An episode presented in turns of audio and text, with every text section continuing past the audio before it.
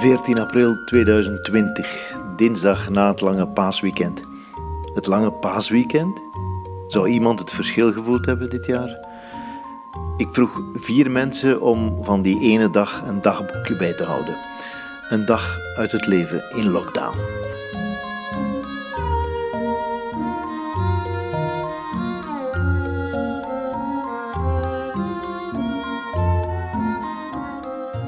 Amersfoort. 14 april 2020. 5 uur 30. Je bent net wakker. Een fles bij ons in bed. Dit is Annelies Gouw. Ze is actrice en woont in Amersfoort. Ze schrijft haar dagboek als een brief aan haar zoontje Guus. Negen maanden geleden stonden we op het puntje te ontmoeten. Rond deze tijd, toen waren we nog thuis. Nog geen anderhalf uur later spraken we voor het eerst hard op je naam uit in het bijzijn van anderen. Guus. Vandaag ben jij precies negen maanden oud. Om vier minuten voor zeven is het exact negen maanden geleden dat jij geboren werd in het Meander ziekenhuis.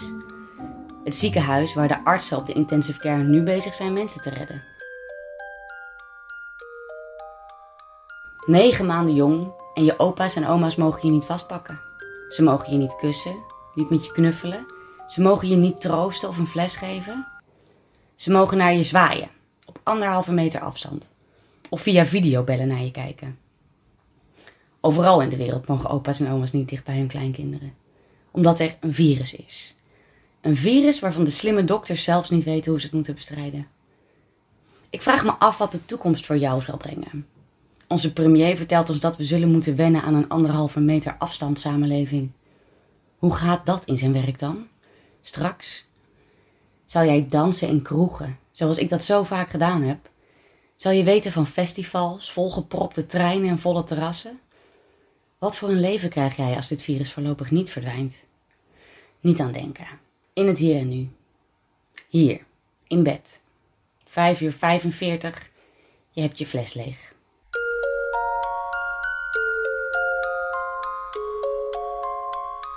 Ja, dinsdag 14 april denk ik. Op een uur zou ik niet meer weten wat voor een datum het is, maar...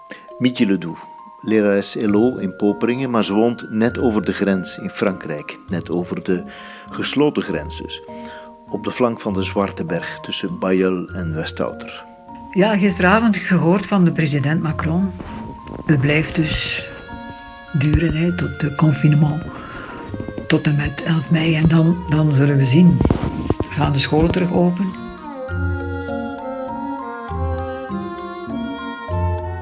Kwart voor acht ben ik op de praktijk en de eerste telefonische oproepen mogen beantwoord worden.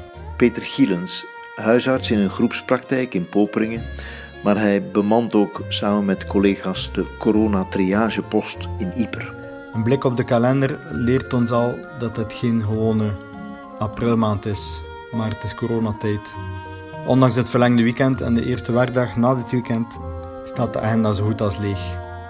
Een vijftal geplande afspraken waarvan ik nog moet nagaan of deze wel terecht en dringend genoeg zijn om te mogen gezien worden.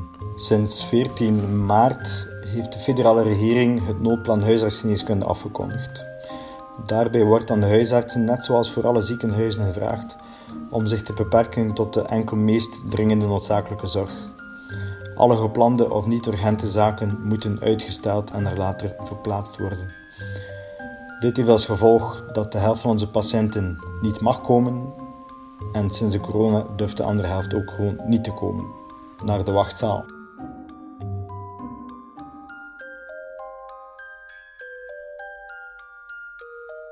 Zeven uur. In deze coronatijden post ik iedere ochtend een foto. Ik zit in mijn onderbroek achter mijn computer. Bart Kastelein, fietsende globetrotter en bezieler van De Boot, een toeristisch milieuproject in de Westhoek. Vandaag wordt het een foto uit 2007 van Stefan van Vleteren uit Veurne. Op de foto zie je twee mensen langs het Iperleekanaal. Ides de Bruyne en ondergetekende. Die foto diende als ondersteuning op ons dubbel interview over langdurige vriendschap. Ides de Bruyne was mijn buurjongen in Merkem. Hij woonde in de Valkenstraat 8, ik in 4. Hij is twaalf dagen ouder. Nooit was er een tijd dat we elkaar niet hebben gekend. We speelden beide trommel en trompet in de Koninklijke Harmonie Sint Cecilia. We kweekten kwartels en parkieten, deden aan atletiek en voetbalden bij Merkem Sport, zaten samen in de KSA, liepen zomaar via de achterdeur bij elkaar binnen, deelden dezelfde lieven. En we kaapten prijzen weg op de lokale playbackshow, Ides als Julio Iglesias, ik als Remo van het Groenewoud. En ja, we trekken nog altijd samen op, al gebeurt dat in deze coronatijden online.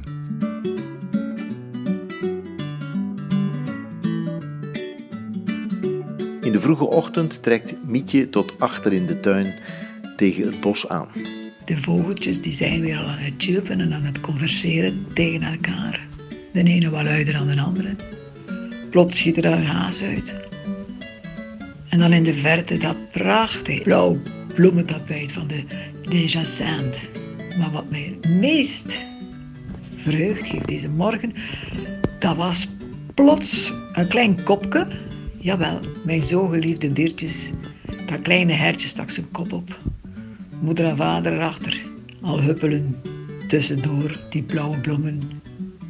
Prachtig. Mijn, mijn dag kan niet meer stuk. Als ik die zie, dan, dan is het goed. Dan is het, dan is het een zalig, heel zalig moment. Van de natuur in Noord-Frankrijk naar de doorzonwoning in Amersfoort.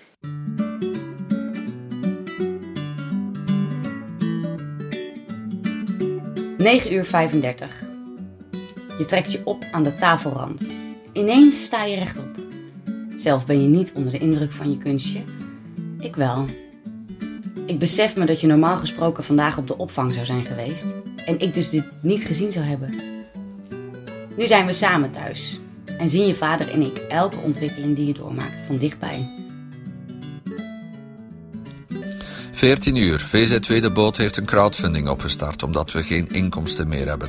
De bar is dicht, er zijn geen begeleide tochten meer en alle overnachtingen zijn gecanceld. Ik bekijk de stand van zaken op onze rekening. We hebben al een mooi bedrag ontvangen. Onze dankbaarheid is heel groot. In de financiële en emotionele steun zien we het bewijs dat VZ2 De Boot een stevige band met de streek heeft opgebouwd en zijn plekje heeft veroverd. Mensen waarderen ons, dat doet deugd. We zijn hoopvol dat we de boot drijvende zullen kunnen houden, maar we mogen de vaste onkosten niet onderschatten. Verzekeringen voor boten zijn duur, boten vergen veel onderhoud. De Sint-Antoine moet eind dit jaar naar het droogdok voor de verplichte vijfjaarlijkse keuring.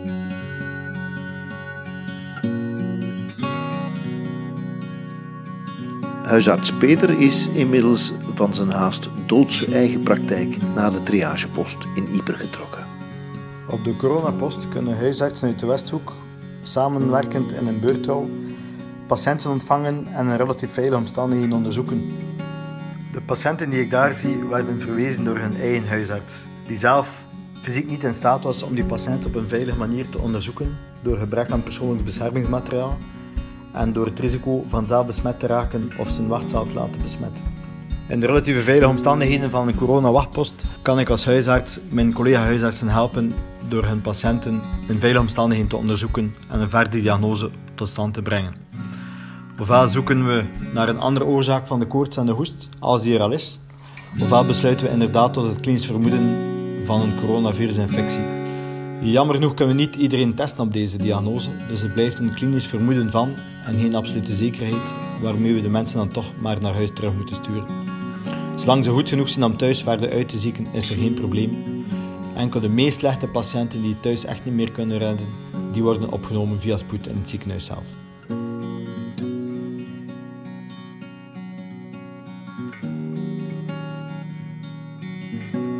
Een aantal van de patiënten die ik zie vertonen inderdaad enkele tekenen van vermoeden van coronavirusinfectie. Ze zijn al een week of langer vermoeid, wat koorts gehad of nog altijd koortsig, een vervelende hoest en absoluut niet in vorm. Een algemene malaise noemen we dat. We controleren de temperatuur en de zuurstofgehalte in het bloed en we luisteren de longen na, op zoek naar een eventuele andere oorzaak van hun klachten. Als die er niet is, is het vermoeden van coronavirusinfectie heel nabij. Bij een aantal patiënten laten we toch een bloedname uitvoeren en sturen we zelfs door voor CT-thorax, om de impact van de infectie verder te kunnen bekijken. Ik heb nog nooit van mijn leven moeten vragen, de permissie vragen aan uh, le gouvernement dan nog, om een eigen huis te verlaten. En dan alles tot op in de details. En zeg, dat is van ja, naam, geboortedatum, uh, uur van vertrek, waarom, wanneer en noem maar op. En telkens moet je dat vernieuwen om, al is het maar juist naar de apotheek te gaan of enkel een brood te halen. Nu gelukkig, enfin gelukkig, zit het één week, mag dat nu ook op de gsm. Dus voilà, richting La Ferme, een lokale winkel waar ze eigenlijk al van alles hebben. Maar wat gebeurt er? Ja, op den duur, meer en meer mensen gaan ook naar die winkel. En dan komt je daar aan toe met je briefje helemaal ingevuld. Paf, niks meer. Désolé madame, on n'a plus rien, il faut revenir.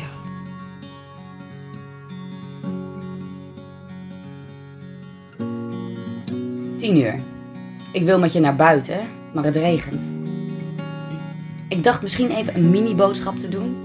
Het wordt afgeraden met kinderenwinkels in te gaan, maar de muren komen op me af. En ik ben altijd met jou. Komen we dan op dagen dat we met z'n tweeën zijn nooit meer ergens? De winkels in de Lange Straat zijn nog open. Maar er winkelen geen mensen meer. Een fietstochtje door het centrum bracht ons vrijdag langs twee straatmuzikanten. Twee jonge mannen die los van elkaar ergens op een plekje in de uitgestorven winkelstraat hartstochtelijk gitaar speelden. Hun lege gitaarkoffers hoopvol op anderhalve meter voor zich. Hier werd ik een beetje melancholisch van. Vandaag gaan we dan maar niet wandelen of een fietstochtje maken. Stomme regen. Maar wij mogen hier niet meer dan één per één, één kilometer rond uw huis stappen. Ja, met uw fietsen, dat, dat, dat gaat niet. Hè. Dan, kan, dan, dan rijd je ditzelfde Turken of zo weg weer. En dan terug vlug, naar binnen. 12 uur. Je bent weer wakker, gelukkig. Je maakt de dagen zoveel makkelijker om door te komen. We leven nu met de dag, want ver vooruitkijken heeft geen zin.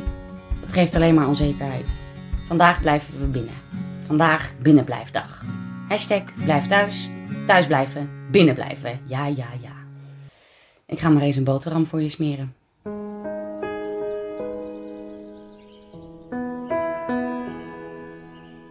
Overal komen de muren op je af in zo'n lockdown. Of je nu in Sint-Jans-Kappel, Frankrijk, Amersfoort, Nederland of de Belgische Westhoek woont. Videochats moeten dan soelaas brengen. Mietje hangt elke dag met haar dochters aan de Skype.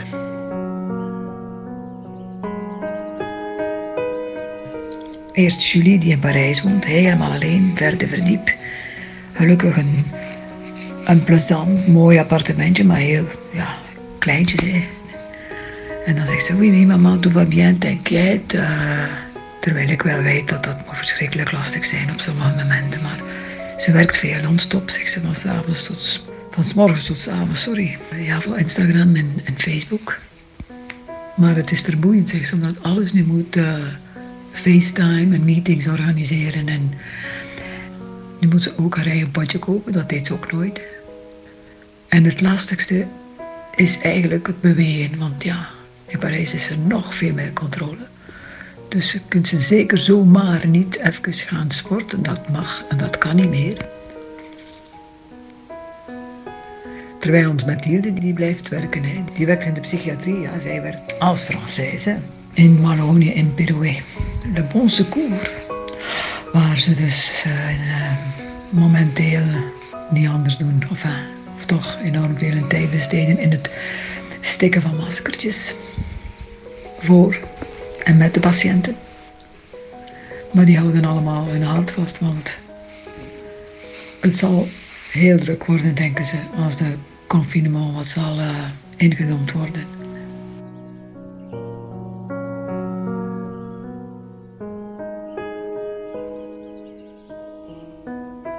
16 uur. Je opa komt langs om een paal te brengen, zodat we een zonnescherm kunnen spannen. Een zonnescherm zodat jij in de schaduw kan spelen in je tuin. Als hij de tuin in wil komen, vraagt hij eerst of de kust veilig is.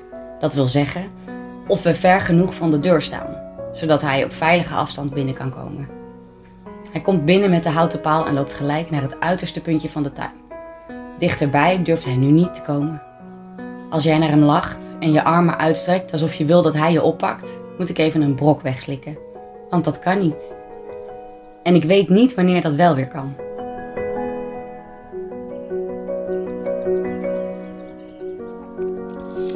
Zestien uur. Mijn vader komt binnen op de boot. Hij is 88 jaar.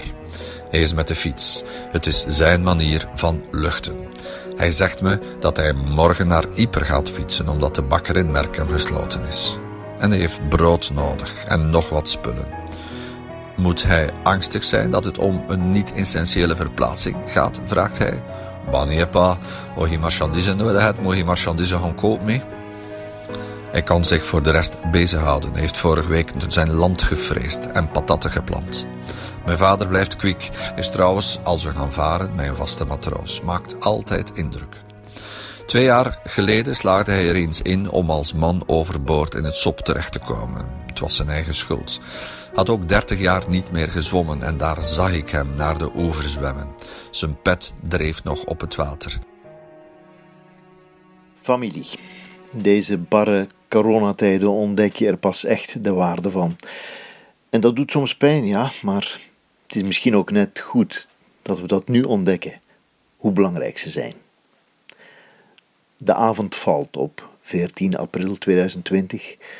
Frankrijk, Nederland en België zijn ongeveer een volle maand in lockdown, in confinement. Het virus heeft ons allemaal te pakken en toch sluiten we onze grenzen. Mietje kijkt vanuit de tuin naar de Zwarte Berg. Daar ligt die grens.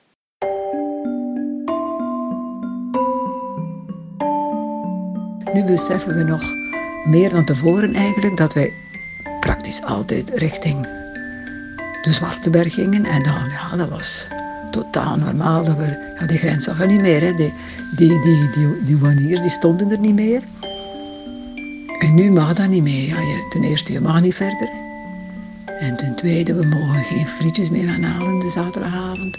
We mogen geen bloemetje meer gaan halen. Ongelooflijk. Dat, dat doet pijn. Dat, dat doet echt pijn. De schreven is blok. Alles wat vroeger absoluut not done was, lijkt nu plots geen probleem meer te zijn in corona- en noodurgentietijden.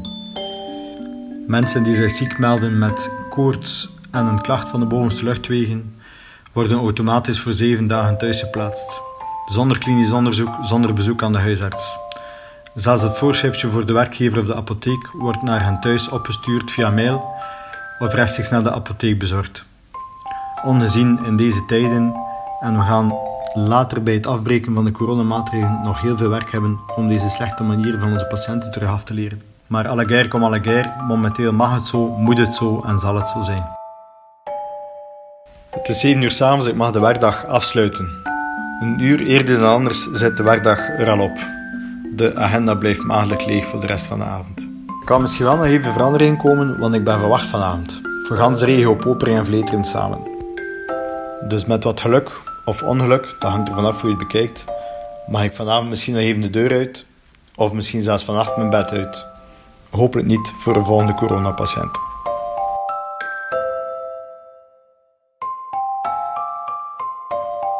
Twintig uur 30, thuis. Ik kijk andermaal naar onze rekening, maar deze keer focus ik me niet op de bedragen, wel op de mededeling. Een zinkend schip is slecht voor het milieu en een kapitein zonder boot is een beetje sneu. Amen. Alleluia.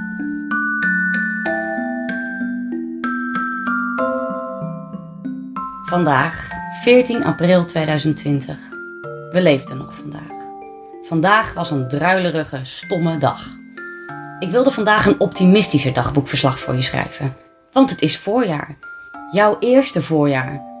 De natuur slooft zich ontzettend uit om te laten zien dat het leven echt niet stopt. En dat er nog zoveel moois is om van te genieten. Ik wilde een vrolijk verslag schrijven van de dag dat jij negen maanden bij ons bent. Maar het lukt niet. Vandaag lukte het niet. Ik probeer het op een zonnige dag nog eens.